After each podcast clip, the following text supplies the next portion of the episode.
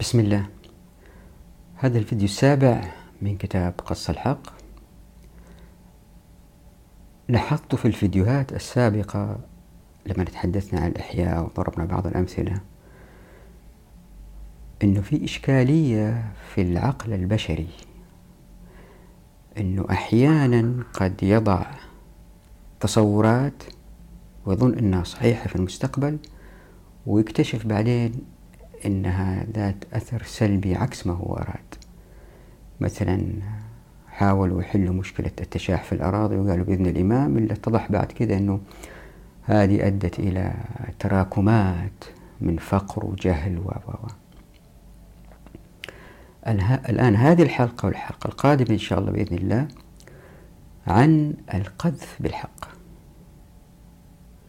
في سبع آيات في آخر سورة سبأ. تصف هذا الوضع. كيف أن البشر لأنهم ما يعلموا الغيب وما عندهم المقدرة على السمع والبصر زي الله سبحانه وتعالى؟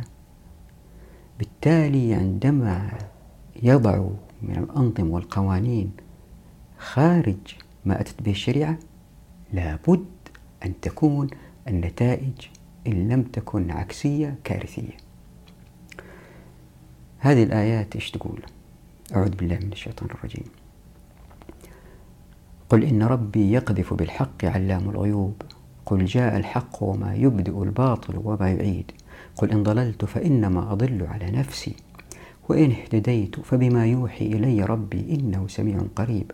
ولو ترى إذ فزعوا فلا فوت وأخذوا من مكان قريب. وقالوا آمنا به وأنى لهم التناوش من مكان بعيد. وقد كفروا به من قبل ويقذفون بالغيب من مكان بعيد وحيل بينهم وبين ما يشتهون كما فعل بأشياعهم من قبل إنهم كانوا في شك مريب. راح نشرح إن شاء الله في الفيديوين هذا والقادم هذه الآيات. لكن قبل كده لابد من مقدمة عن العقلية البشرية كيف أتت بنا إلى ما نحن فيه من تغير مناخي وتلوث بيئي و. فالسبع الآيات هذه وكأنها تصف وضعنا الحالي في العولمة. طبعا أي حضارة لا توجد إلا بتحرك الأفراد. وهذول الأفراد لما يتحركوا أحيانا قد يتصادموا زي ما شفنا في الإحياء المرة الفائتة لما يتصادموا لابد أحد يقرر. من على حق؟ مثلا رئيس البلدية يبغى ينشئ حديقة في منطقة مفتوحة. مجلس البلد يقولوا لا هذا المكان نحتاجه عشان يكون مستشفى مستقبلا. أو وزارة الصحة تبغى تبني مستشفى في مكان وتيجي وزارة التعليم تقول لا المدرسة أولى. فبالتالي يصير في المجتمعات دائما جدل. وتشوفوها في الصحافة وفي التلفزيون المحلي في الغرب. مثلا آه، تشوفوها في مناورات ومبارزات فكرية منطقية جدلية بين ممثلين. السكان في البرلمانات في المجلس البلدي. فالمجتمع دائما في جدل. من يقرر؟ كلام مين يمشي؟ عندنا في مجتمعاتنا أحيانا المسؤول الكبير في الدولة الملك رئيس الجمهورية أو كذا. خلاص هو قال. أحيانا يكون عنده مستشارين يشيروا عليه طبعا. هذا الحل أفضل من هذا الحل. طيب هل هذه الحلول والأفكار اللي قالوا فيها والقرارات اللي اتخذوها بناء على هذه الحلول. هي الأمثل للبيئة. هي الأمثل للمجتمع. هذه مشكلة. كيف نعرفها؟ خليني أوضح. في العالم الغربي لأنه يعتمد على العلوم اللي صار أنه في العلم التطبيقي ولأنهم يمكن يتوقعوا الأحداث المستقبلية. يعني نعرف درجة غليان الماء يكون في كذا على مستوى سطح البحر. فوق رأس جبل يكون مختلف حسب الارتفاع. هذه الحتميات في العلوم التطبيقية أثرت بالتدريج في العلوم الإنسانية زي الاقتصاد الاجتماع التنمية الإدارة. وبالتدريج بالتدريج بدأت هذه العلوم تأخذ طابع آه، حتمي تنبؤي للي سيحدث مستقبلا. مثلا آه، في واحد اسمه لابلاس فرنسي 1827 قال إذا قدرنا نتمكن من معرفة سلوكيات البشر بناء على سلوكياتهم الماضية السلوكيات المستقبلية ممكن نخطط لهم ما هو أصلح لحياتهم. لكن هذا التفكير اللي هو آه، إمكانية التنبؤ بحياة الناس مستقبلا كيف تكون جاتها ضربة من علم الفيزياء لأنه في علم الفيزياء بدأ يظهر عندهم شك كيف؟ عام 1926 في عالم اسمه هيزنبرغ بين إنه في الفيزياء ما هم قادرين يعرفوا سرعة ومكان جزيء واحد. إذا عرفوا واحد يمكن ما يعرفوا الثاني. يعني التصور ده اللي هو scientific determinism أو الحتمية العلمية إنه ممكن ننظر للكرة الأرضية بسكانها بقوانينها الفيزيائية كأنها ساعة كبيرة ونتوقع ما الذي سيحدث. جاتها ضربة جامدة. زاد الوضع سوء في باحث أو فيلسوف معروف اسمه كارل بابر قال إنه النظريات اللي يضعوها العلماء ليست حقائق. هي فرضيات من نسج الخيال والداتا والمعلومات بتقربنا لها أكثر من خلال قياسها بس هي ما هي حقائق. واستنتج هذا من نظرية آه، نيوتن اللي فسرت الكثير من الظواهر الميكانيكية. وبمرور الزمن بدأت تتعثر في بعض التفسيرات. كارل بابر لاحظ أنه كيف نيوتن قدر يضع هذه النظرية وما عنده أجهزة ومعدات تقيس نتائج نظريته؟ بعد كده بدأوا الناس بعشرات السنين يأكدوا كلام نيوتن. ألين جاء وقت ظهرت نظرية أينشتاين وخطأت نظرية نيوتن في مراحل متقدمة وبالتالي ما يمكن تكون نظرية نيوتن حقائق. لابد أنها تكون حاجة هو آه، نسجها اللي أكد هذا كمان واحد اسمه توماس كون طلع من نظرية البارادايم. ألا وهي أن العلم يتقدم بالتدريج لأن العلماء يدوروا في فلك معين سمى بارادايم. وهذا البارادايم يأتي يوم من الأيام وما يقدر يفسر بعض الظواهر ويكون العلماء جاهزين لتقبل نظرية جديدة. كل هذه التطورات وضعت باحثين في العالم الغربي في شكك كبير. آه، مثلا كارل بابر ينتقد بشدة الماركسية على أنها ليست علم. ليه؟ لأنه تتحدث مع الماركسيين يقول لك كل شيء يروه يفسروه من خلال نظريتهم الماركسية من خلال الطبقات والبرجوازية و و و. فما تبين شيء النظرية. النظرية هي فقط تشرح كل شيء ممكن. كارل بابر قال لا. لابد للنظرية أن تكون واضحة ومحددة وتقول لنا مستقبلا ماذا قد يحدث. لذلك وضع خط فاصل كارل بابر بين ما هو علم وما هو ليس علم. ما هو علم هو الذي يستطيع من خلال هو الذي نستطيع من خلاله أن نعرف ما الذي سيحدث. مثال علم الاقتصاد. الكساد المالي الكبير عام 1929 هايك له تفسير فريدمان له تفسير آخر. هذا بعد ما وقعت مو قبل. يعني ما توقع حدوثها. مثل هذه الحوادث بالذات في علم الاقتصاد ولما يتنبؤوا إنه والله يمكن الدولار يطلع ولا ينزل ويزيدوا نسبة الفائدة وينزلوا نسبة الفائدة كلها تشير على إلى أنه مستحيل على البشر يتنبؤوا ما الذي سيحدث مستقبلا من سلوكيات الأفراد. إذا العلم التطبيقي البحثي اللي ما في سلوكيات أفراد تشككوا فيه. ما بالكم بالعلم الاجتماعي ولا الاقتصادي ولا الإداري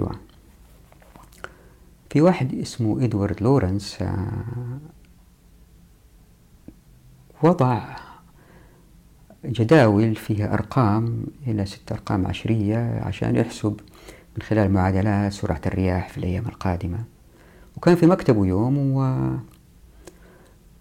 احتاج لهذه الأرقام والطابعة اللي في مكتبه أظن كانت تطبع إلى ثلاث أرقام عشرية ولا في بيته إلى ست أرقام عشرية.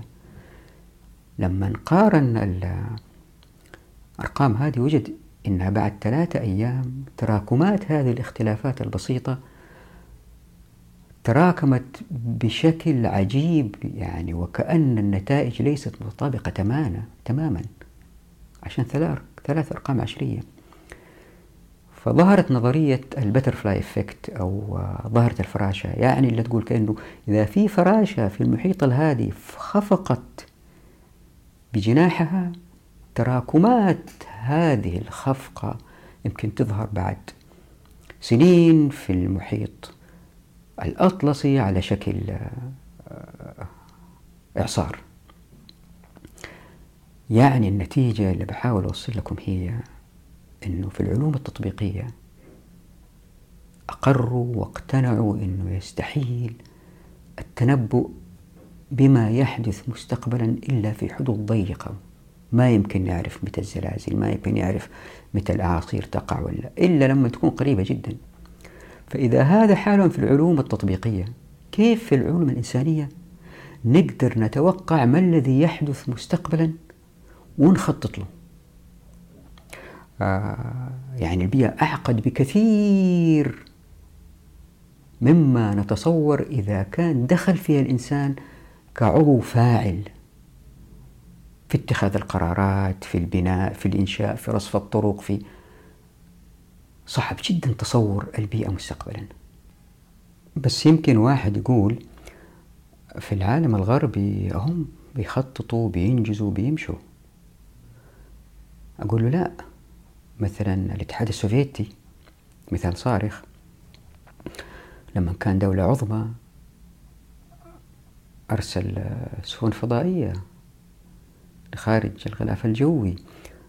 لاعبينه في الدورات الأولمبية كانوا يحصدوا الميداليات الذهبية والفضية. يعني كان في إنجاز كبير لكن على حساب إيش؟ فشل الاقتصاد. هذا مثال واضح إحنا شايفينه. لكن في في في أمثلة ثانية ما نشوفها. زي العالم الغربي قد يتخذ قرار ألف وما نعرف نتائج القرارات. باء إن طبقت مثال على ذلك مثلا إذا يرصدوا مبلغ لعمل طريق بين مدينتين هل هذا أفضل في صالح المجتمع ولا إنفاق المال في عمل طريق بين ثلاثة قرى أخرى؟ ما نعرف أي أفضل لأنه لم نرى نتائج ازدهار الثلاث القرى لأننا رأينا ازدهار المدينتين. مين يعرف؟ الذي يرى الغيب مستقبلا. أعوذ بالله من الشيطان الرجيم. إيش يقول سبحانه وتعالى؟ ولله غيب السماوات والأرض وإليه يرجع الأمر كله. وهذا آية واحدة من الكثير من الآيات اللي نأتي عليها اللي تشير بوضوح إلى أنه لأن الله سبحانه وتعالى يعلم الغيب ولله غيب السماوات والأرض هو الذي يرجع له الأمر كله. ما قال ربع نصه؟ كله يعني إيه؟ داخل فيها منظومات الحقوق يعني مقصوصة الحقوق. طبعا هذا الكلام نناقش فيه المسلمين نقول لهم قال الله قال الرسول. لغير المسلمين ما نقدر نسوي الكلام ده. لما نحاضر في الجامعات برا الغربية ما ما أقدر أقول لهم قال الله قال الرسول لأنه ما هم ما هم مسلمين. نجادلهم بالمنطق. خليني أعطي مثال على هذا المنطق. هل المال يأتي بالحقوق أو الحقوق تأتي بالمال؟ نضرب مثال. يعني رجل له الحق في استيراد سيارات مرسيدس أو بي إم دبليو. حصريا. إذا السيارات آه، نجحت في المجتمع وأقبل عليها الناس لأنها جيدة بيعه بيزيد وبيزيد ماله. ولما يزيد ماله بيرسل أولاده لجامعات أفضل مثلا. آه، بيتخرجوا بشهادات مرموقة بيرجعوا بيمسكوا مناصب عالية ومن خلالها يمكن بيحصلوا حقوق أكثر. فهنا الحقوق أتت بالمال والمال أيضا أتى بالحقوق. إن فكرنا بهذه الطريقة في المجتمعات ونلحظ أن الناس متفاوتين في الحقوق هذا له حق تصدير هذا ما له حق تصدير هذا له حق فتح محل هذا ما له حق فتح محل إلا بإذن من الدولة مثلا. هذا له حق الحصول على بعثة هذا ما له الحق حصول على بعثة. كلها حقوق حياتنا كلها حقوق. إذا نظرنا للموضوع بهذا الشكل ورأينا الحقوق كيف تتفاوت وكيف بالتالي تأتي بالمال والمال يأتي بالحقوق الإنسان عقله يكاد ينفجر.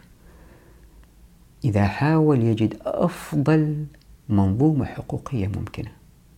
اللي بيصير لأنه البشر ما هم قادرين يأتوا بهذه المنظومة بيقننوا وينظموا من خلال المناقشات والجدل و زي ما قلنا في الأول.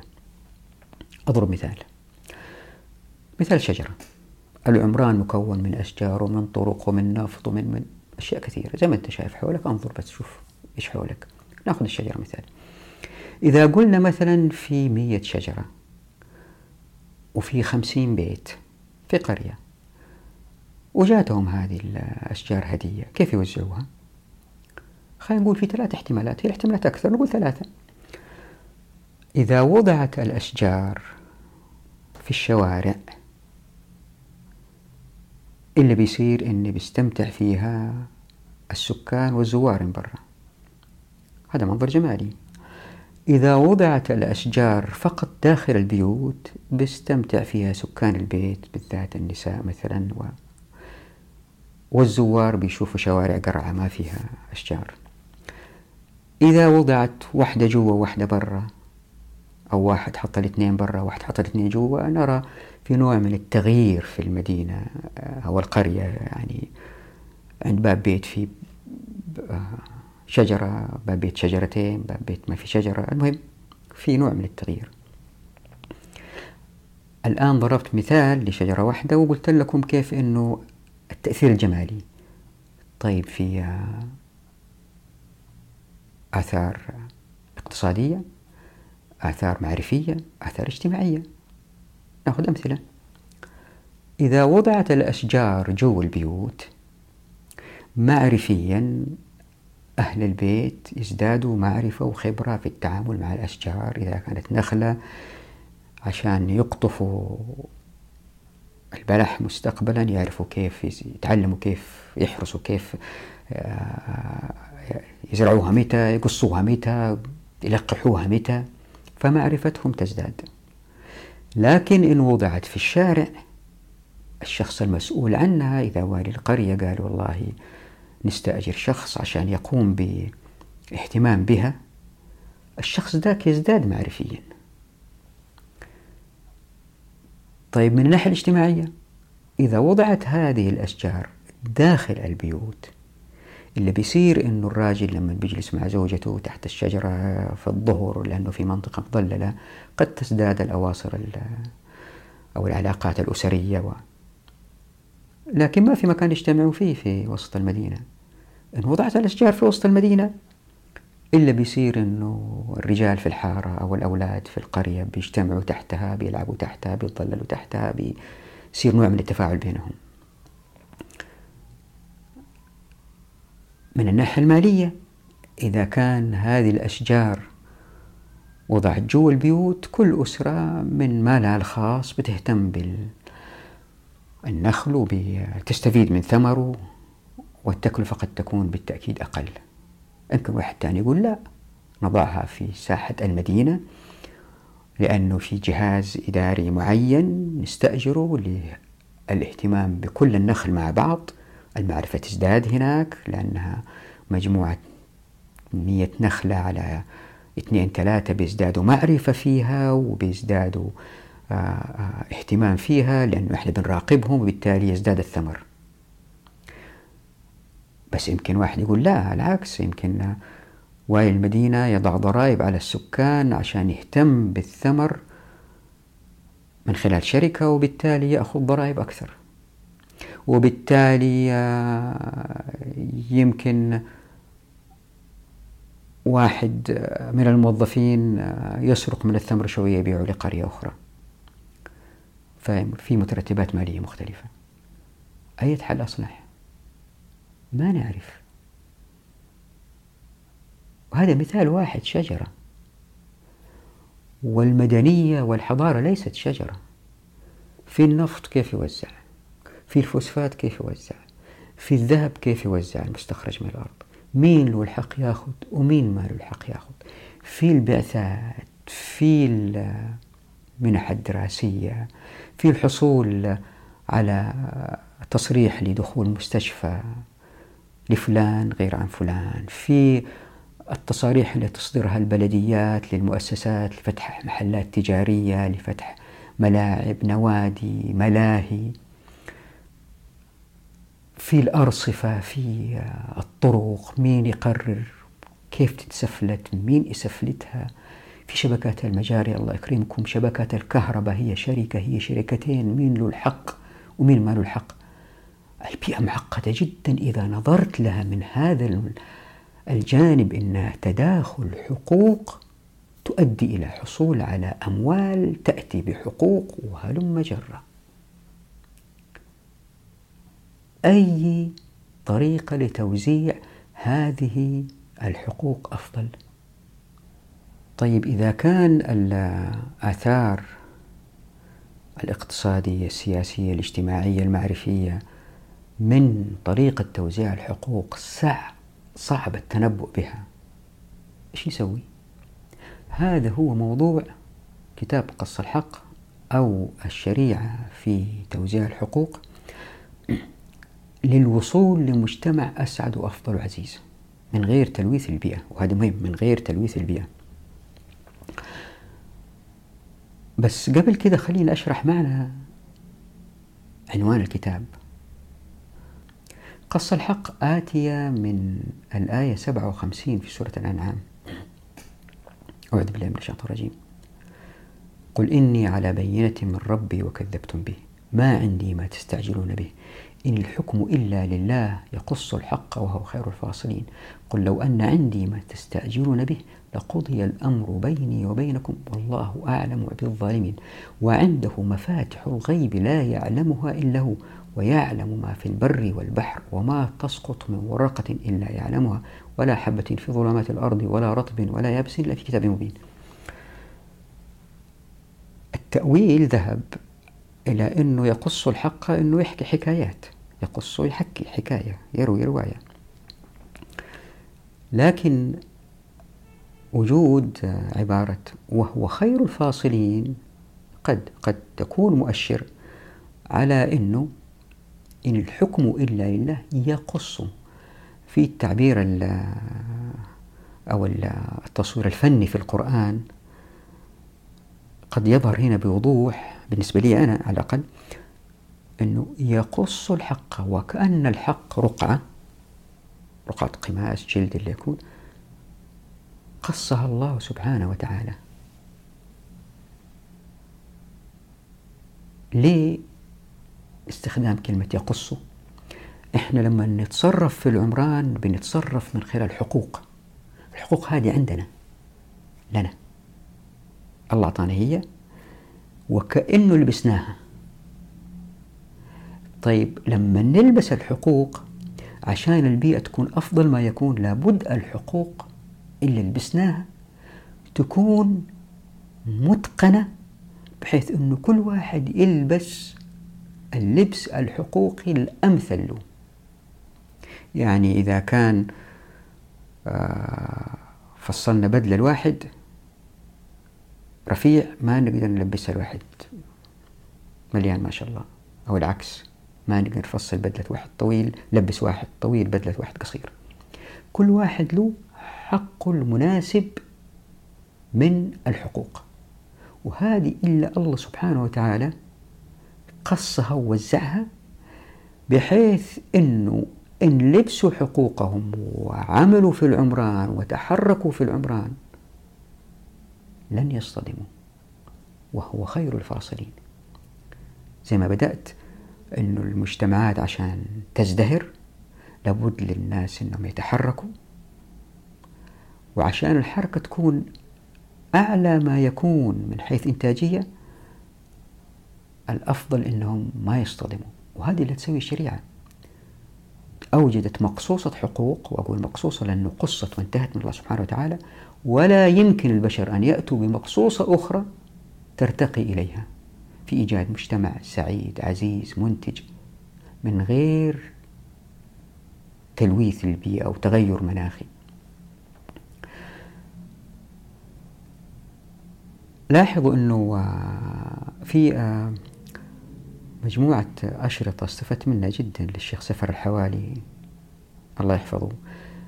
عن مواصفات من له الحق أن يشرع.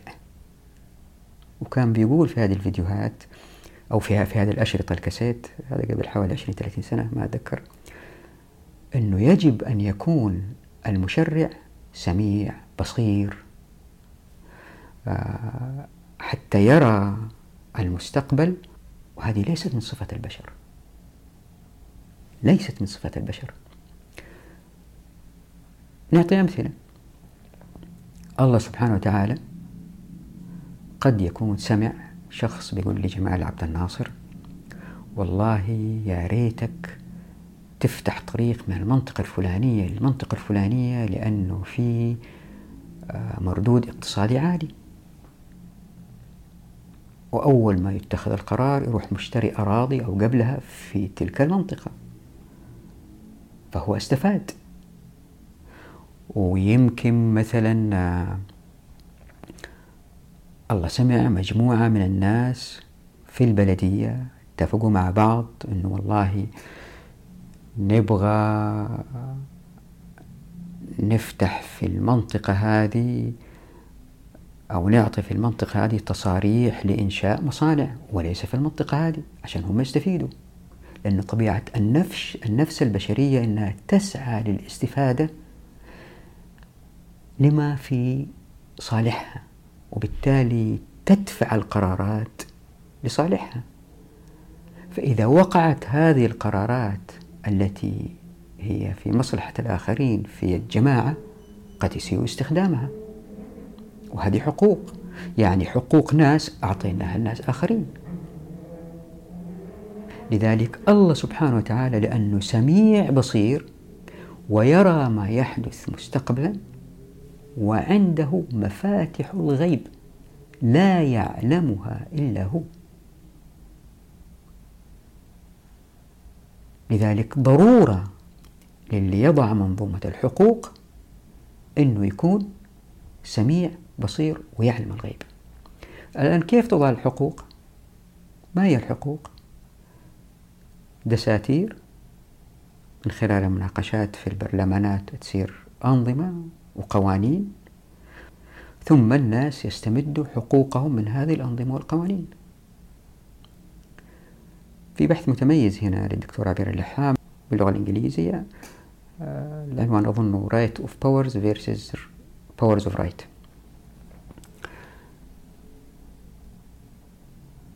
في العالم الغربي علم الباور علم كبير علم التسلط والسلطة علم كبير.